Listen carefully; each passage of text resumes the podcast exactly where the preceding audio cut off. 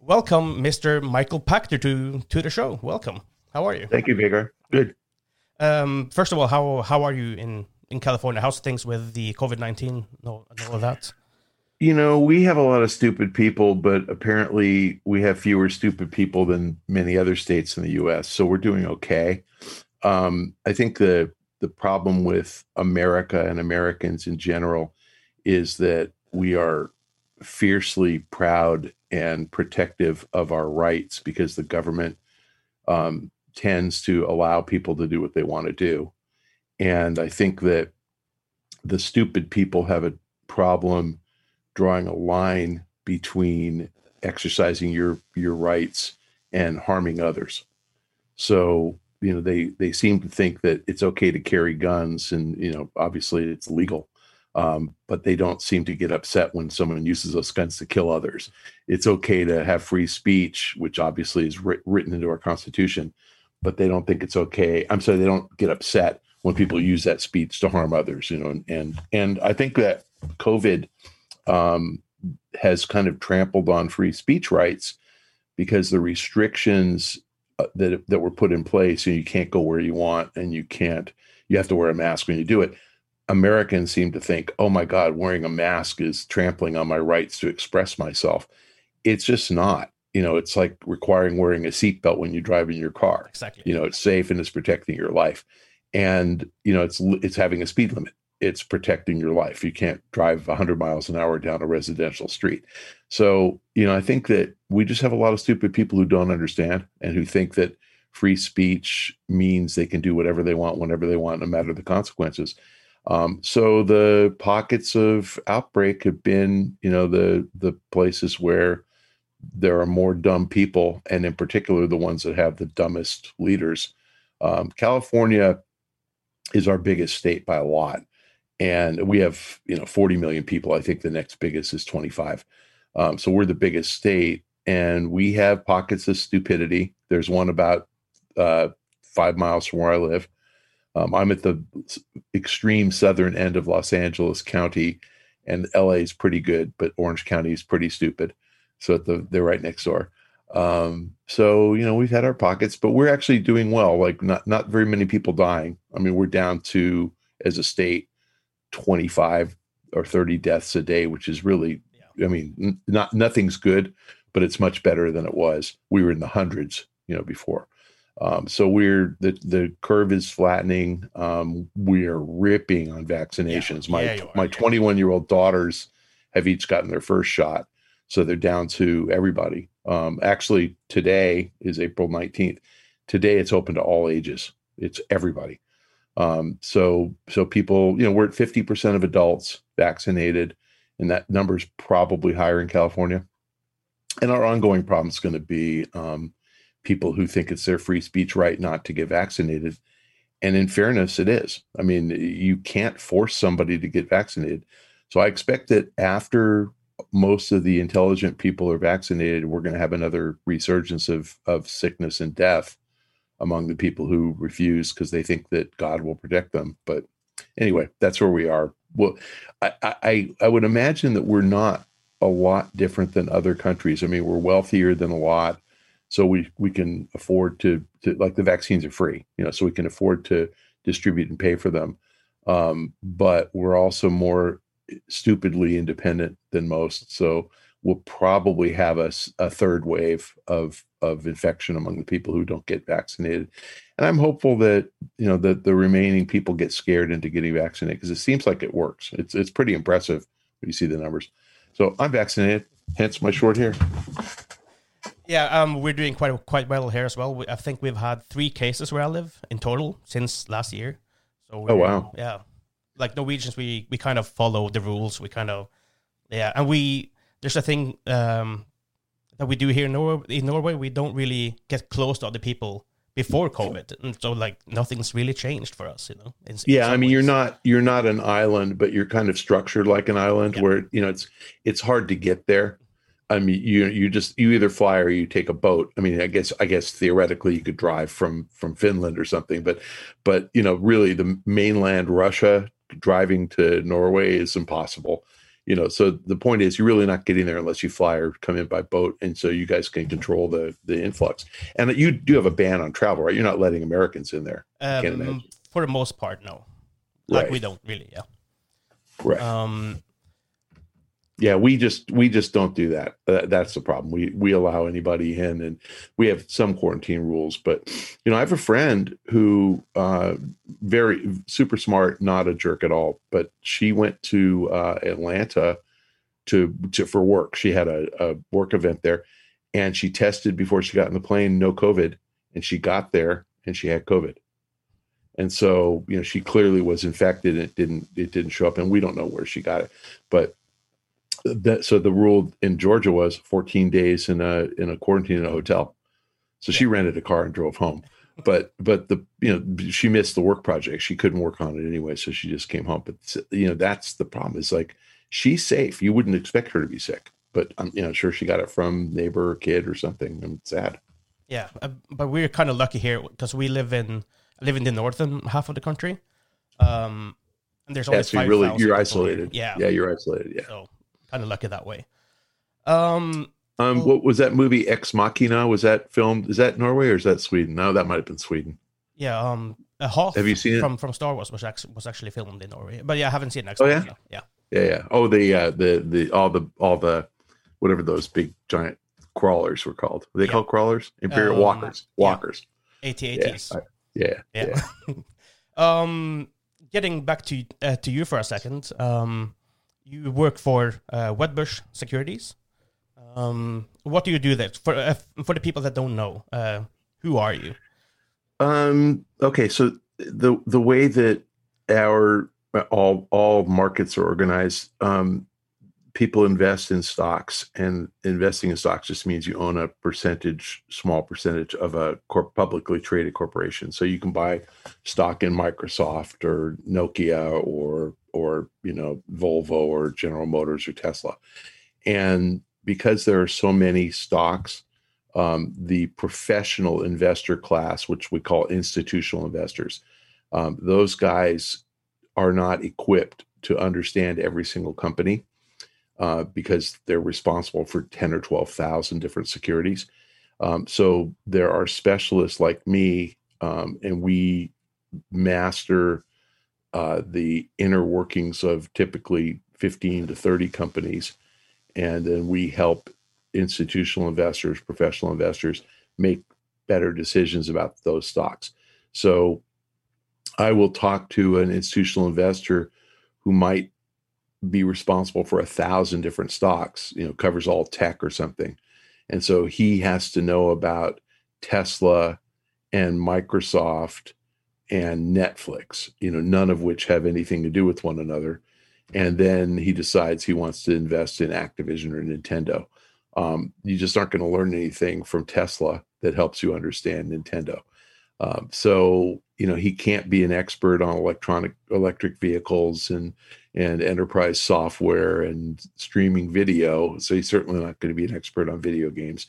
And so I help them to understand how Activision makes money and what they're likely to earn. And at the end of the day, um, with with a few exceptions, share prices are just a function of earnings power. So if a company, you know, if Activision makes three dollars one year and four dollars the next year, the stock will go up. And if they make four dollars one year and three dollars the next year, the stock will go down. Um, I say with some exceptions, like GameStop doesn't trade based on its earnings power, and Tesla doesn't either. Um, Netflix doesn't either. But for the most part, people care about earnings, and I'm pretty good at forecasting earnings. That's what I do. So you and you cover a lot of video game companies then. Yeah, I cover all the Western ones. I don't cover, um, except for Nintendo. I don't cover any Asian ones. Um, the Asian ones, it depends on the company, obviously, but they tend to generate most of their revenue locally. So Tencent and and uh, you know the the Japanese companies, Capcom, um, make less money here and they don't really trade here so it, it just doesn't make sense to cover them um, but the western companies and plus nintendo make the bulk of their profit in europe and us so it's easier to understand the market yeah um because i've been following you for a long time and Um, first, I just want to ask you how how you got into the things you are. Like, how did you become a stock market analyst, if that's the term for it? Oh yeah, yeah. Stock market analyst is good enough. Um, I was a lawyer, uh, and I I specialized in tax. So I was a, I I was what's called a transactional tax lawyer. So I'd work on business combinations, on mergers and acquisitions, and minimize taxes from that. That that was my job, and I decided to go back to school and get a, a business degree. So I got an MBA at UCLA and moved from being the tax lawyer to being the business person on the mergers teams. Um, so I did I did mergers and acquisitions as a as the person in charge of the deal um, for many years, and then I moved into investment banking for a very brief period of time, just you know putting companies together and charging 2% of the transaction value, which is very lucrative. Um, and then I ended up getting hired to work at Wedbush to run their research department. And that was 20, almost 22 years ago. Um, and I just had a varied background. So I built the research department and then decided it was fun being an analyst. And I had played video games. This was literally 1999. You know, so I had played video games and owned a PS1 and had owned an NES and a Super NES and an Atari 2600 uh, and a Sega Dreamcast. And so it just felt like was a Dreamcast or Genesis, whichever the one was before Genesis, yeah. and then a Dreamcast. And uh, it just felt like, you know, something I played games and what the heck I'd cover the stock. So I picked them up 20 years ago and haven't looked back. Well, so that's a happy coincidence then, you actually being able to work with video games while being a gamer as well? You know, I think that you know the people who cover oil tend to have worked in the oil industry, and people who cover semiconductors worked in the semiconductor industry. So it's not that uncommon. Um, but playing the games doesn't qualify you to. It's like saying I like movies and I watch movies in the theater, so I'm going to cover Disney. It just doesn't work that way. Um, understanding the games is is probably 2% of the job. Understanding how they're made, so understanding the developers, that's far more important, and understanding the cost of the games. And, you know, like I cover Unity. Um, and probably my big advantage in Unity, and I mean this sincerely, is I play mobile games. And I understand exactly how mobile games are delivered in mobile games. I watch them. I click through frequently. I have installed games. You know, I've spent money in games. So when Unity talks about its create business, which is two thirds of their revenue, um, I'm pretty confident I'm the only person who covers Unity who actually knows what what goes on there. And you know, again, my competitors can read about it, but if you don't play a game, if you haven't participated in a tournament inside a mobile game, you don't really understand what Unity is creating. You're helping helping developers create to help them monetize the game. You don't understand why people spend money. So you've got to spend money in these games to get why people do it. And I remember back when mobile started, most investors thought it was the dumbest thing ever. Why would anybody play, pay in a free to play game? You know, and that's like saying, well, if you have television, why do you go to the movies? Because TV is free. Why would you ever pay money to see a movie? it's just a different experience and you'll pay if you you pay if you like it and the other thing that's crazy is you know nobody questions why people spend money at starbucks you know why does you can make coffee at home why do you spend money at starbucks what, what you know no matter what starbucks costs it's cheaper at home you know it doesn't matter how low they lower the price so you know to me video games the same thing it's people spend money because it's fun and and they're competitive and they want they there's an item that they really they don't they don't want to wait for you know, so they pay to accelerate. So it helps me understand the games. And I, I probably play far more mobile now than anything else. There's not much more to learn in console. Yeah, uh, you've talked a lot about your um, love for Clash of Clans, for instance. Do you still play it? I don't. I, you know, I was in a clan, boy, what's that game, 2010? So probably in 2012 or so, 2013. I was in a clan that was 20th in the world and we were good. And if you didn't spend money, the clan couldn't keep up. And I was one of the spenders, and I just, you know, it was I was into it by a lot. And I just, you know, it got to where I didn't want to carry them. And uh, we had plenty of guys spending money in there. It just got to be too much of a grind, and you had to show up too often together, and it was it was a grind. So I got I dropped it. No, I haven't played it. I played Clash Royale for about a month just to see what it was about, which was actually really fun. But no, I don't play Clash Clans anymore. And talking about mobile, um, what do you think of the like the big bigger franchises coming to mobile now, like League of Legends, PUBG, Call of Duty, all of these types of games? I think that it's it, it, that everybody's doing it differently, but I think Fortnite has pioneered the the right concept, which is that the game is playable on multiple platforms, all in synchronous manner, so that that you can play with other people. And in fairness, like game a game like Fortnite, Fortnite's hard enough with a mouse and a keyboard. Like I, it's I've not even tried it on mobile other than to look at it. I can't even imagine building and running and shooting on a mobile screen. I'm not sure how you do it. I can barely do it on a on a laptop or a desktop. Um, I suck at building and, and shooting. I can't do it. And, and, and I used to watch Ninja play, and he'd be like running on a platform that he was constructing as he was running and aiming down and shooting and just like amazing. Um, and he's not the best player in the world. That's what's crazy. They're better. Um, but I can't, I could never do that on mobile. But I think that's the right model that you know you can pick up the phone and do some things. And if nothing else you know harvest and get weapons and bullets or health or resources so that you can level up you know and unlock different things. And so everybody's done it a little different. The pubg mobile game is this standalone business you know standalone game so it's call of duty.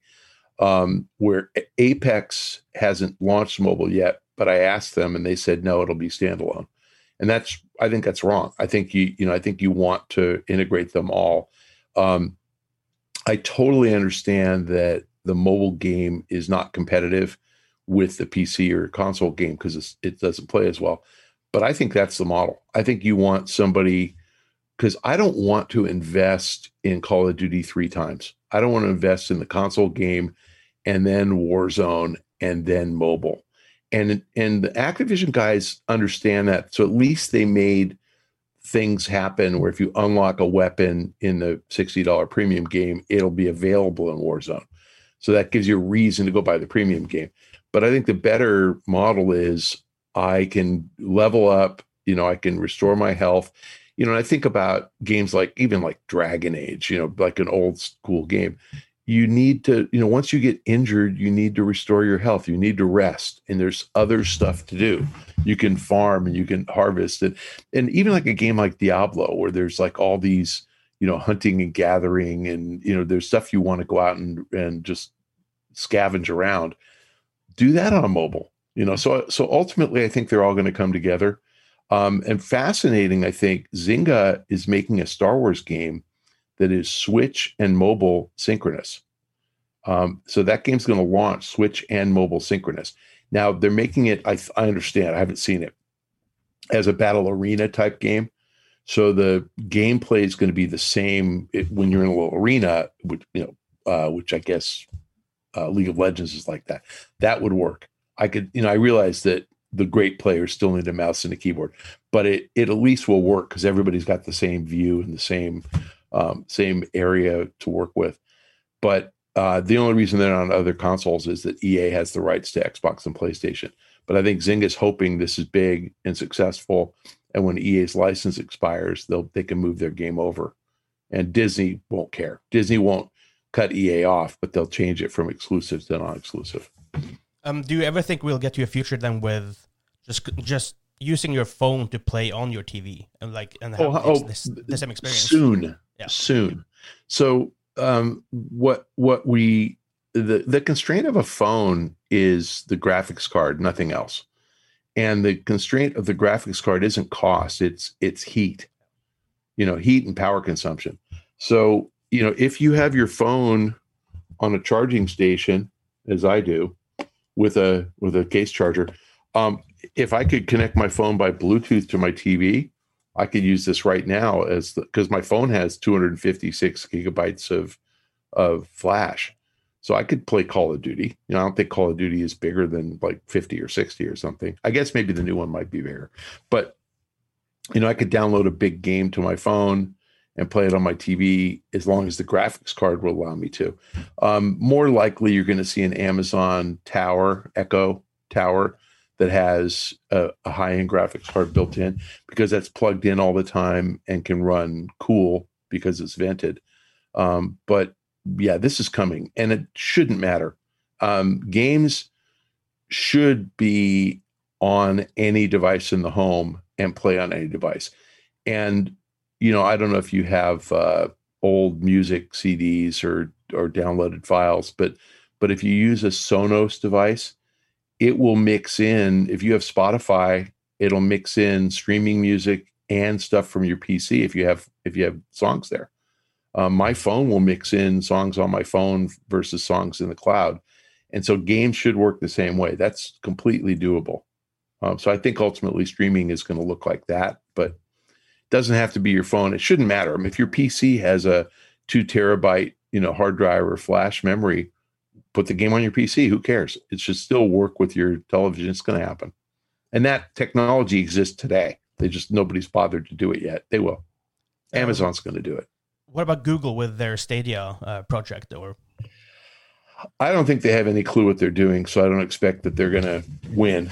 Um, I think that they, I mean, uh, let's be fair. Um, they started out with ambitious plans to make great content, and then they changed their minds. And you know, there's an open question if first party content matters for streaming. Um, it matters for consoles because a consumer has to make a, a decision to buy a console and not because of the profit from the console, but because once you buy a PlayStation, you are a PlayStation customer and your games will be on PlayStation. Once you buy an Xbox, same thing. And so you you know you can charge the fifty dollars a a year Xbox Live Gold membership or or PlayStation Plus membership, and they also are going to sell you all your games, so they'll get thirty percent of everything you spend. So the decision to be a PlayStation owner matters and you'll make that decision because you want to play last of us or uncharted or or crash bandicoot or whatever they have that's their hot game um, and i think that google and amazon both thought we need that in order to establish our our streaming services but you don't like you can have like that's like saying you would never join amazon as a as a customer for you know for um, two day delivery unless they had proprietary toilet paper you know, proprietary food. You don't care. You just want to buy stuff on Amazon. So I think Amazon and Google each figured out they don't need first party content to establish the cloud service. And so the cloud services will evolve differently. Um, I think Google's mistake was that they started Stadia out as a subscription service, and you would never subscribe to that unless they gave you something that you couldn't get elsewhere. But if they turned it into a storefront where it's just a $60 game and you just buy the game, um, I don't think we care. And if you're the publisher of the game, if Google tells you we'll sell the game at a retail margin, you know, 20% instead of a, a internet download margin of 30, then the publisher makes 10 percentage points more and he'll be happy. Um, so I think that'll happen. I think Google and Amazon will each offer ultimately a storefront. Um, Amazon is far better at at dealing direct to consumer than Google and so I expect Amazon to win. Um, I personally think Amazon management is smarter um, and more focused, so I expect them to win. And uh, interestingly, I mean, Google's advantage is YouTube is actually better than Twitch, and and uh, ultimately, like I again, I thought when I met the Twitch guys, um, I remember them talking to me right when it started, you know, 2013 or something, and I was like, oh, but so this content's archived as well as live? They go, oh no, all live all the time. And I went, well, that so you have to tune in when it's on? Yeah. And I go, that'll never work. Now it's worked great, but YouTube has probably 10 times the traffic, you know, and and so they asked me to do a show on Twitch actually when I lost uh Packer Fact or uh, Pach Attack. And I said, I'll do it if it's archived. I will not do it if it's live. I, I, you, I'm not dependable. I can't show up every day. And they said no. Um, YouTube never offered, but but I'm sure if I if Shane goes away, um, YouTube will offer. But yeah, I think uh, I think Google's better at game content for creators. Um, Amazon is better at direct to consumer selling stuff. So those will be the two that dominate. And Microsoft's not stupid. They're trying to be in the business too. They're just trying to do it with a subscription. So we'll see. It's going to be an interesting next five years, uh, but good for consumers. You'll end up getting more content and no console. The point is, you will not have to buy a console five years from now, and that would be great. Um, with Microsoft, um, obviously have, they have their Game Pass service, and they recently bought ZeniMax. Uh, are they trying to position themselves for a future like the one you're you're describing? Um, no, those those purchases are to support the console, and I think today Microsoft hasn't articulated this, so you know I'm I'm just guessing. I think today they think the Xbox brand has value, and they'd like to sell you a console, and they they'd like to sell you Xbox anywhere if you buy a console. Um, what they have never announced is that Game Pass will work even if you don't own a console. That's never been formally announced, but it will. So if you subscribe to Game Pass and you don't buy a console, you can play on your PC. They actually have a PC standalone version and it totally works. And and they'll if you go online and look it up, it, you'll see that it works. But consumers don't seem to get that. And so Microsoft's hook is get get you into the Xbox ecosystem, I think that this is their way of weaning consumers off the console and onto the Microsoft brand for for streaming for cloud delivery. But ultimately, they make more money if you're an Xbox customer because when once you're an Xbox, you know, like would you pay for Xbox Live on a streaming service? Like why? Why should you be paying them to play against other people? And that's where I think Amazon's got a big advantage. If Amazon sells you the game Amazon's cloud infrastructure would let you play multiplayer instantly for either nothing or for less money than Xbox Live Gold. Um, so, and cross-platform. Like, like honestly, if you know, if ultimately they get um, a game, it shouldn't matter if it's the Xbox version or the PlayStation version. If it works on Amazon, it works on Amazon. So cross-platform, you don't have to belong to a multiplayer service, or roll it into Prime. You know, maybe have a prime gaming offering that's 150 instead of 119 dollars a year or something you know and then share that extra 30 dollars with the publishers they'll get more content so amazon's going to end up winning this but microsoft's being smart about trying to sell you a console first get you to be con- con- be a uh, convinced convicted uh, xbox owner and you want to buy all the xbox stuff having GameStop, Game Pass, excuse me, have exclusive Bethesda content, exclusive Microsoft Game Studios content, so that you become a Game Pass member. And in the long run, if they have enough content, Game Pass is a great deal. Um, I don't think it's a great deal. It's fifteen dollars a month. You know, it might be ten. It's hard to. It might be ten when you're all done. It's fifteen dollars if you buy it monthly, but one hundred and twenty dollars a year is two games. You know, so unless you play buy more than two games, you're never going to join it. And you know, unlike me, like I buy, I pay for Spotify for my family. I don't think we purchased, you know, 25 CDs in the last 10 years, but we listen to a lot of music. So they've, you know, they've converted me from $30 a year in CD spend to $180 a year family Spotify. But because of that, we listen to music all the time. I, you know, wherever I am, I was on a boat yesterday. I turned on Spotify. Like it, it's I just because I can, and obviously I use and my kids listen to it in the car. Their cars are all integrated with their phones, and they just turn Spotify on. Um, so you know, we consume more because the service is there.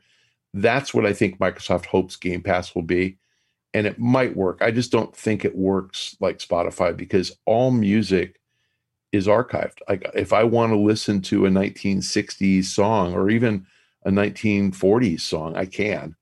I don't want to play a 1960s game. You know, I don't want to play. I mean, some people will. Um, so a game's useful life. I mean, we will see.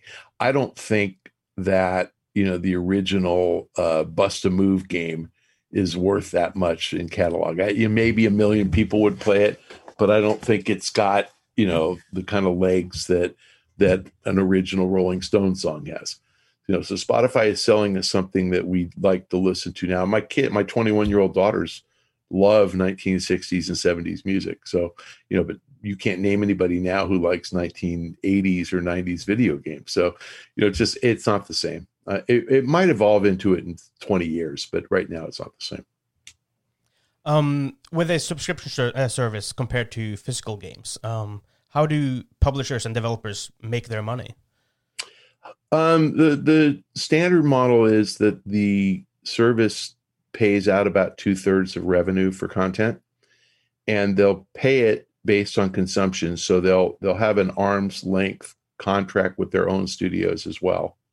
Um, so if half of all the gameplay is Bethesda and Microsoft Game Studios, then Microsoft would pay out half of the payments to themselves. And if the other half is EA or Activision or or independent, they'll pay it out to them. So if you think of uh, Game Pass, say costing $120 a year, there's $80 in royalty payments available. If if EA is 10% of all the consumption on Game Pass, they'll get $8 a year per subscriber. And there's 18 million subscribers and growing. So it's real money. I mean, you know, they they could make, you know, a hundred million dollars a year quickly um, by putting their old catalog stuff on. But you know, if they're not ten percent, then they're not going to get that kind of royalty. Now, ultimately, it'll be like a Netflix model where there's a minimum guarantee to put the content up because nobody knows what the demand will be. And so, high, more popular games will have higher minimum guarantees, and that's up to Microsoft if they think they can justify it. But to assume two thirds of what consumers pay is for content, and one third is to cover their cost of delivering it. Okay, uh, interesting. Um, you've talked about um, with like uh, subscription uh, subscription services and stuff. Um, you've talked about FIFA going free to play, or your wish for them to go free to play, or your recommendation, I should, I should say. Um, do you see a future where we have more like these annual or biannual games like Call of Duty, uh, Battlefield, uh, all the sports games, obviously? Should they go free to play?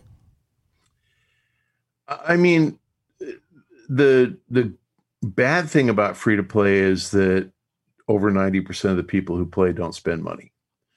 The good thing about free to play is between 2 and 10% of the people who play spend money. So um, it's a really an open question. You know, from EA's perspective, they already have 25 million people buying FIFA every year, and they're afraid if they make it free to play, those 25 million people won't spend money anymore. Um, I think there's a billion people who watch FIFA, and if you make FIFA free to play, that 25 million will grow to 250 million instantly and if if the monetization is 10%, then, then they will double their revenue from FIFA just very quickly. And in the meantime, if you're the sport, FIFA, um, you have 25% of your audience who's engaged and enjoying, you know, interacting with your players and your teams year round. So that's really healthy for everybody. Um, so ultimately, I think that's true of all free to play games. And, you know, I think the interesting uh, example, the interesting uh, case study is Activision saw Fortnite come out in 2017 and all of the Activision free to play games started to suffer. So Overwatch is a paywall, but there's a free to play element, and Heroes of the Storm and Hearthstone started to decline. And that's just because those gamers went over to the new thing, which was Fortnite. So Activision announced pretty early in 2017, we are going to develop a uh, battle royale game with our Call of Duty franchise. And in fall of 18, they came out with Call of Duty Blackout, but that game was behind the premium paywall.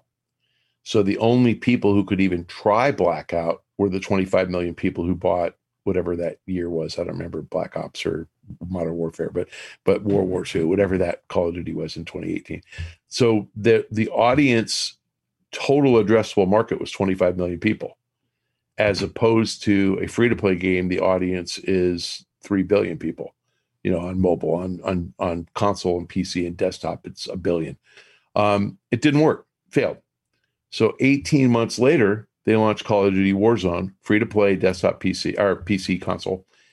And I remember them saying this back in in February of 2020. They said we're going to launch Warzone in March. Expect Call of Duty premium sales to be down this year. And the reason is we're giving Call of Duty away for free.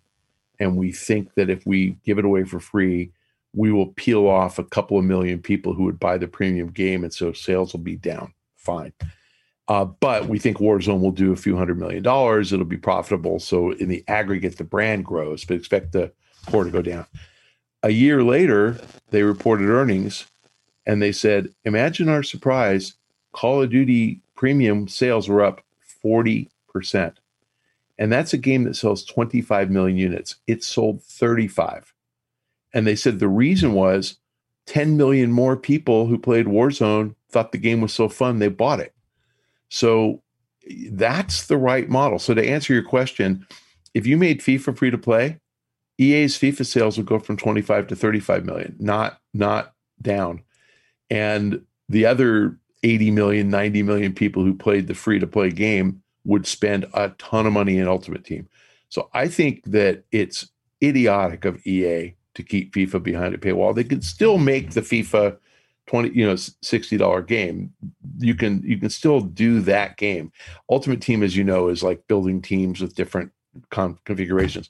But if you just wanted to play the standard FIFA teams the way you do in in regular FIFA, you could absolutely do that. And they could do that with all their games. I think everybody should come up with an integrated free to play. Um, and, and again, Activision did Warzone standalone in front of the paywall. That led to bigger sales. I still think the best version is everything works cross platform. But but if you have a sixty dollar business, you don't want to kill that.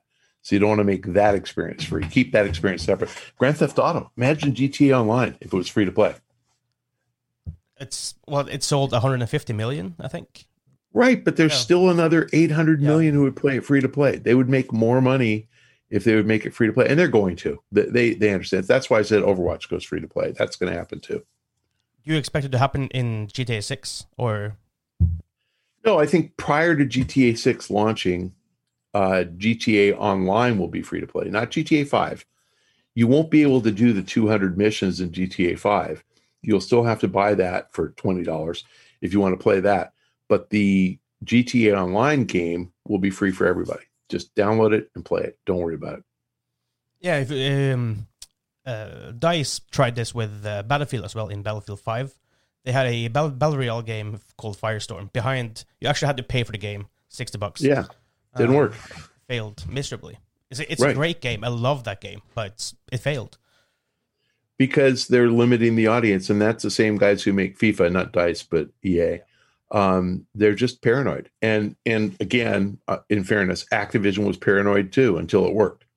So you know, I, I actually hope that EA looks at what Activision did and then emulates it. I think if everybody comes up with a free to play version of their biggest games, you will bring bring in a bigger audience. You just will.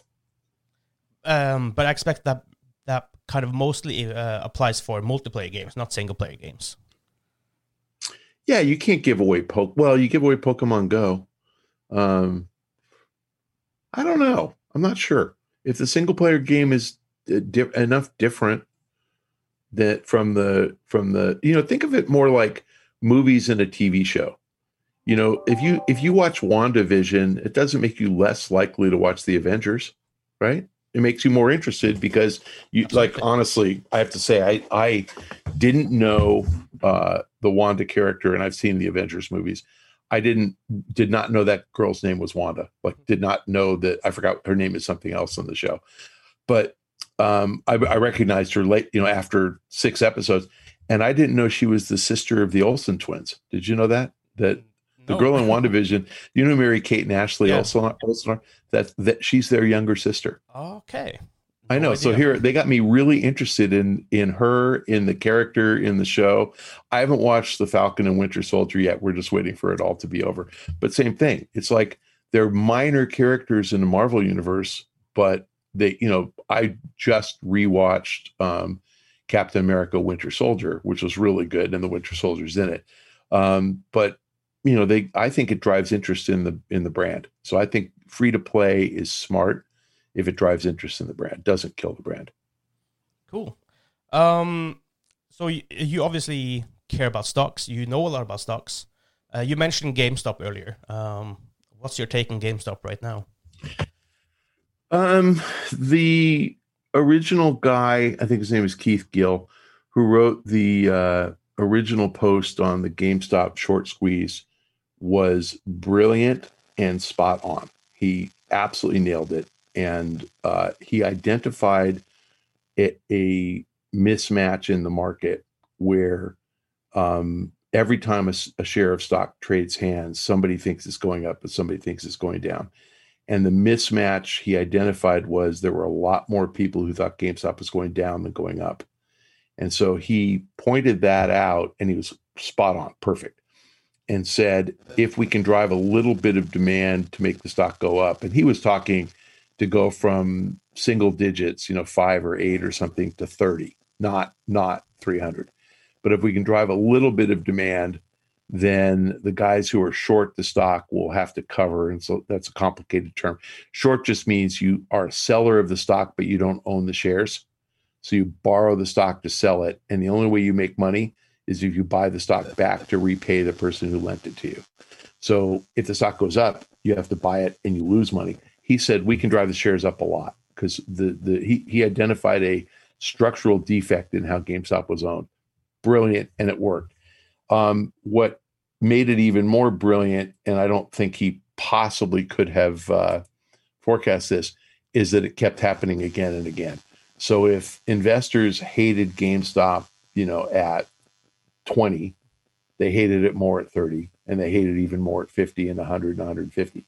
So uh, the shorts kept coming back and shorting the stock and shorting the stock and shorting the stock, and it keeps working. Um, so I am kind of amazed that there's Albert Einstein famously said that the definition of insanity is doing the same thing over and over again and hoping each time hoping for a different result. Um, I'm amazed that the shorts keep going back to GameStop because they do. But Keith Gill and his Reddit companions on Wall Street bets are absolutely right. As long as that happens, they're going to make money. So stock is staying up in the 160 range. Um, just today, they they announced that GameStop CEO was leaving by no no later than the end of July, and they're doing a search for a successor. Um, one week ago today, he sold 600,000 shares at 140. Stock's at 167 right now. He's got 1.7 million shares left. So in good round numbers, that's about 400 million for him. Um, God bless him. But when he went to work there, they gave him 11 million dollars worth of stock, and I think in his dreams, he was was going to double that in five years and make 20 million in five years, which is a ton of money. And and if he doubled the shares, he deserved it. But instead, he's getting 400 million after two years. So God bless him, but that's just crazy. Um, and so, you know, what do I think about GameStop? I think that eventually the shorts will move away from the stock and eventually it'll return back to earth.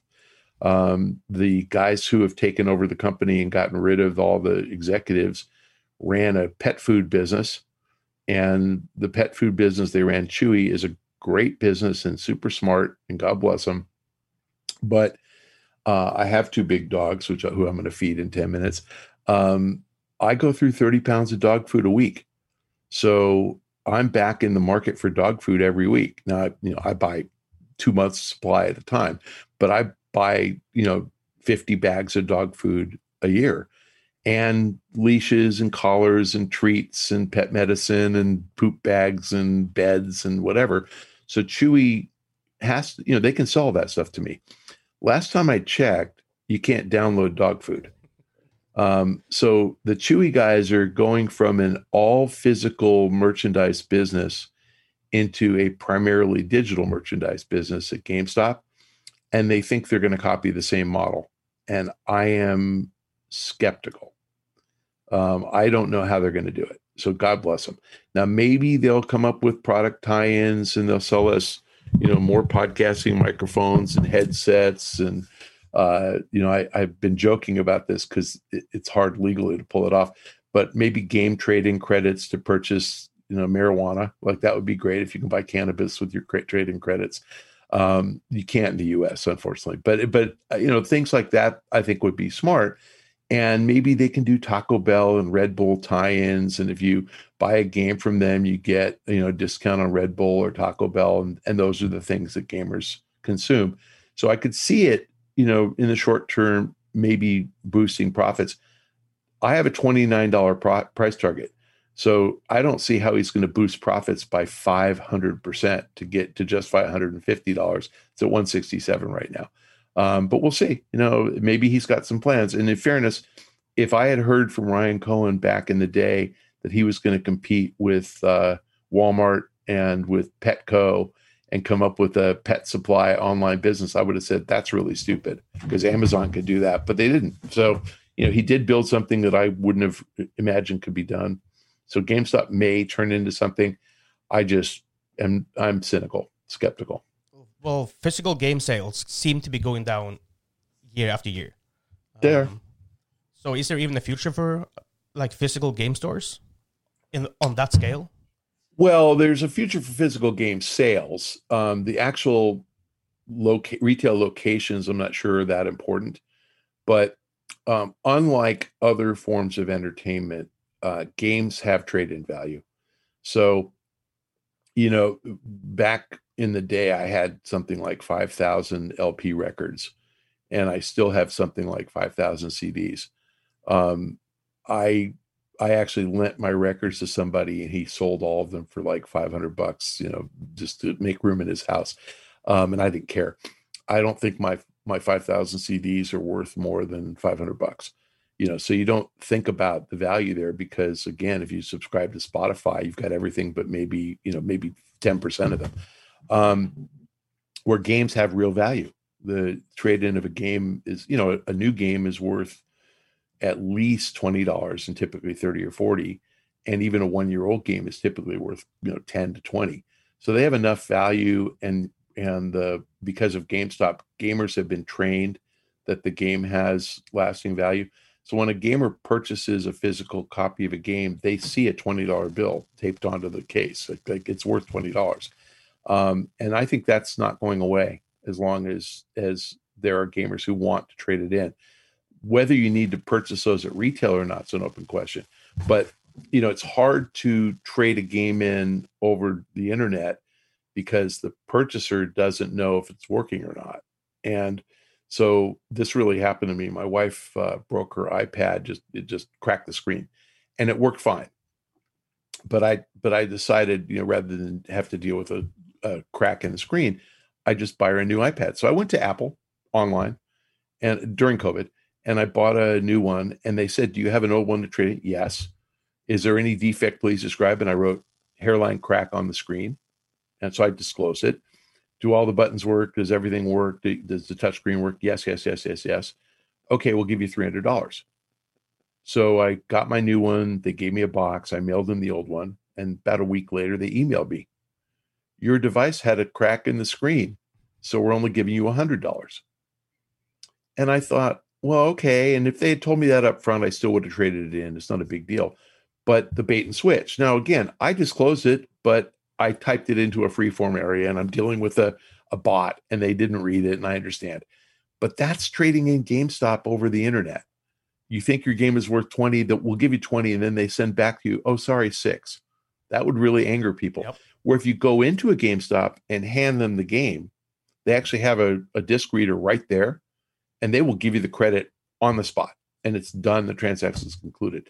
So I think consumers value that retail presence um, can they survive with fewer retail stores? Of course. You know, can they drop by two thirds? Yes. Um, can Ryan Cohen come up with a strategy where their online sales stay the same as their physical? Probably. So can he improve profits? Yeah, I think he can, just not to the tune of $150 a share. But maybe I could be wrong. Um, you have to feed your dog soon. Um, so I'm. I did. I could talk about. I, I could talk about this with you for hours and hours and hours and hours. Uh, but there's one last question though, because we have one question we ask everyone who's on our show, because we all we always have gamers on our show. Um, what's your top three favorite games of all time? Wow. I mean, they're pretty lame, but uh, Fallout. my favorite my favorite game of all time is Fallout 3. My second favorite game of all time, you're going to laugh at me, is Tony Hawk Pro Skater 3. I love that game. I love that game. I, I did too. I played that game more than anything. And then the third one, I used to say Max Payne 1, but but honestly, it's probably NHL on the Sega Dreamcast. So 1996 or whatever, just because it was so stunning and I played the hell out of it. But God, there's a lot. I mean, uh, there's a million games that I really like. Uh, but but Fallout 3 is my favorite game of all time. And Tony yeah, Hawk, I knew that I- one. I, I played Tony Hawk for shit five years. I mean, I I just love that game. It was better. And funny thing is, you know, you go back and look at it now, and there's like like the cars aren't even moving. You know, like it's like barely anything on the street except Tony Hawk. But um, the graphics are so different now. I mean, I, honestly, I played like a thousand games. Um, you know, again, the, I mean, I, I, guess I'm rating this based on replayability you know, as opposed to just like the wow factor. Because so many games I've played that just like they blew me away. Like I really liked Mass Effect Yeah. One. Um, and there's so many games that I just like. I just really love them. Um, and and even like some of the stupid games, like like uh, you know, I liked uh, Little Big Planet yeah. you know Great but again there there wasn't that much to do but replayability wise i i played the hell out of that game because my kids liked it and it was really fun to play with them um i mean there's uh, it'd be it'd be hard for me to even come up with a top 10 anyway fallout 3 for sure Yeah. Like, I, knew, I- I I knew was- you would say Fallout. i love that game that game was so fun it's a great game. you know and i played fallout 4 maybe a third as much because again it, it felt the same it Yeah. didn't really do that much Have you tried uh, my- I did- Outer Worlds? what's that Outer Worlds. Have you tried it? The it's it's. I, like you know, I've never played it. I've never played it. I, I should. I will. I will one of these days. It's pretty good actually. Just Yeah, I it. bet. Well, it's. I mean, that's not the same guys. It's the Obsidian guys Yeah. who did Fallout New Vegas. I played Fallout New Vegas. It's also eh, like of the entire Fallout series is is a great. Probably not seventy six. It's kind of rough. Yeah, I didn't. I, I mean, I didn't hate it, but I just didn't get into it. I played it for a little bit, and it just wasn't. I- I don't. Honestly, I'm a single player game person. I don't really like playing and having to depend on other people on console games. That but they bother me. I don't. Uh, you know, again, Portal. Portal be a top five. Portal 1 and 2. Portal 2, 10 year anniversary is yesterday. Um, but Portal 1 and 2, oh my God. I mean, I finished everything in those games and I found a flaw. I want to say Portal 2. There was one thing in the uh, Valve write up that talked about the minimum number of whatever you call it when you make a when you when you shoot a hole in the wall um, the minimum number of portals that you had to do and i can't remember the number or which level but it said that you need you could do it in nine and i kept doing it in 10 and I probably played the level 40 or 50 times. And then I realized that the minimum number, if I did it in even, it couldn't be odd because you had to go and come back. And I and I actually finally realized they did that as a as a just a goof. They were they did it to screw around with us. But I played the level like 50 times trying to get done. But I did every level in that game in the minimum number of portals, except that one. Um, so that was fun. I love that game. Actually, Portal 2 is the one you had to shoot yourself through the uh oh and whatever the hell the name of the the company was. Um I love that game. So Portal 1 and 2, god, so many games. There's I I There's too many. but again, single player. Yeah. Single player. I, I I'm a single player guy because I like to go slow and do everything and I have a sense of accomplishment, you know, or I like to I don't need to win every trophy, but I really like doing all the all the interesting collectible stuff and I remember in in Fallout 4 I collected like 10 or 15,000 rounds of some kind of ammunition and when I got to the end of the game I didn't even have a weapon that shot it. Like I don't know what the weapon was that used like 50 caliber. I don't even know what it was, but I had a whole lot of ammunition just in case. You know, so pretty funny. Awesome. Um, well, it was it's been absolutely amazing talking to you. I've been it's kind of unbelievable to me at least to, to some extent. So, um, well, thank you for for coming on the show. Um, is there anything you would like to to leave us with? Some kind of words of wisdom from from the Pachter? Oh, you know, get vaccinated. That's my that's my my strongest recommendation. Get vaccinated and uh, maybe still wear a mask when you fly because the flu might get worse going forward. Yep. But yeah, I'm looking for. I, I'm certain I will be back in Norway within the next 12 months. So If I'll- if you're ever how far in, north? How far um, north are you? North of the Arctic Circle.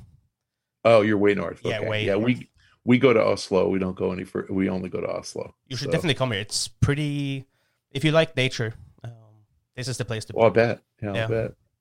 That's pretty far up, though. It is, but there, like you can you can get it from from from Oslo, no problem. I'm sure. One Yeah. I just, I just need to book an extra day away from home. Probably not. Okay, I'll let you know when I'm at the Burger King in Oslo, and I'll buy you a twenty dollar Big Mac. well, Big if you're ever in Oslo, I'm gonna come down there and meet you. So there, you go. Yeah. Okay, it'll happen. I'll let you know. I Yep. promise. Okay. uh, I'll I'll keep you to uh, to to that. I'll so, do it. Yeah. Okay. Yep. Well, again, thank you, thank you so much for coming on, and It's- it's have a pleasure. great day. Okay. You too. Bye bye. Bye bye.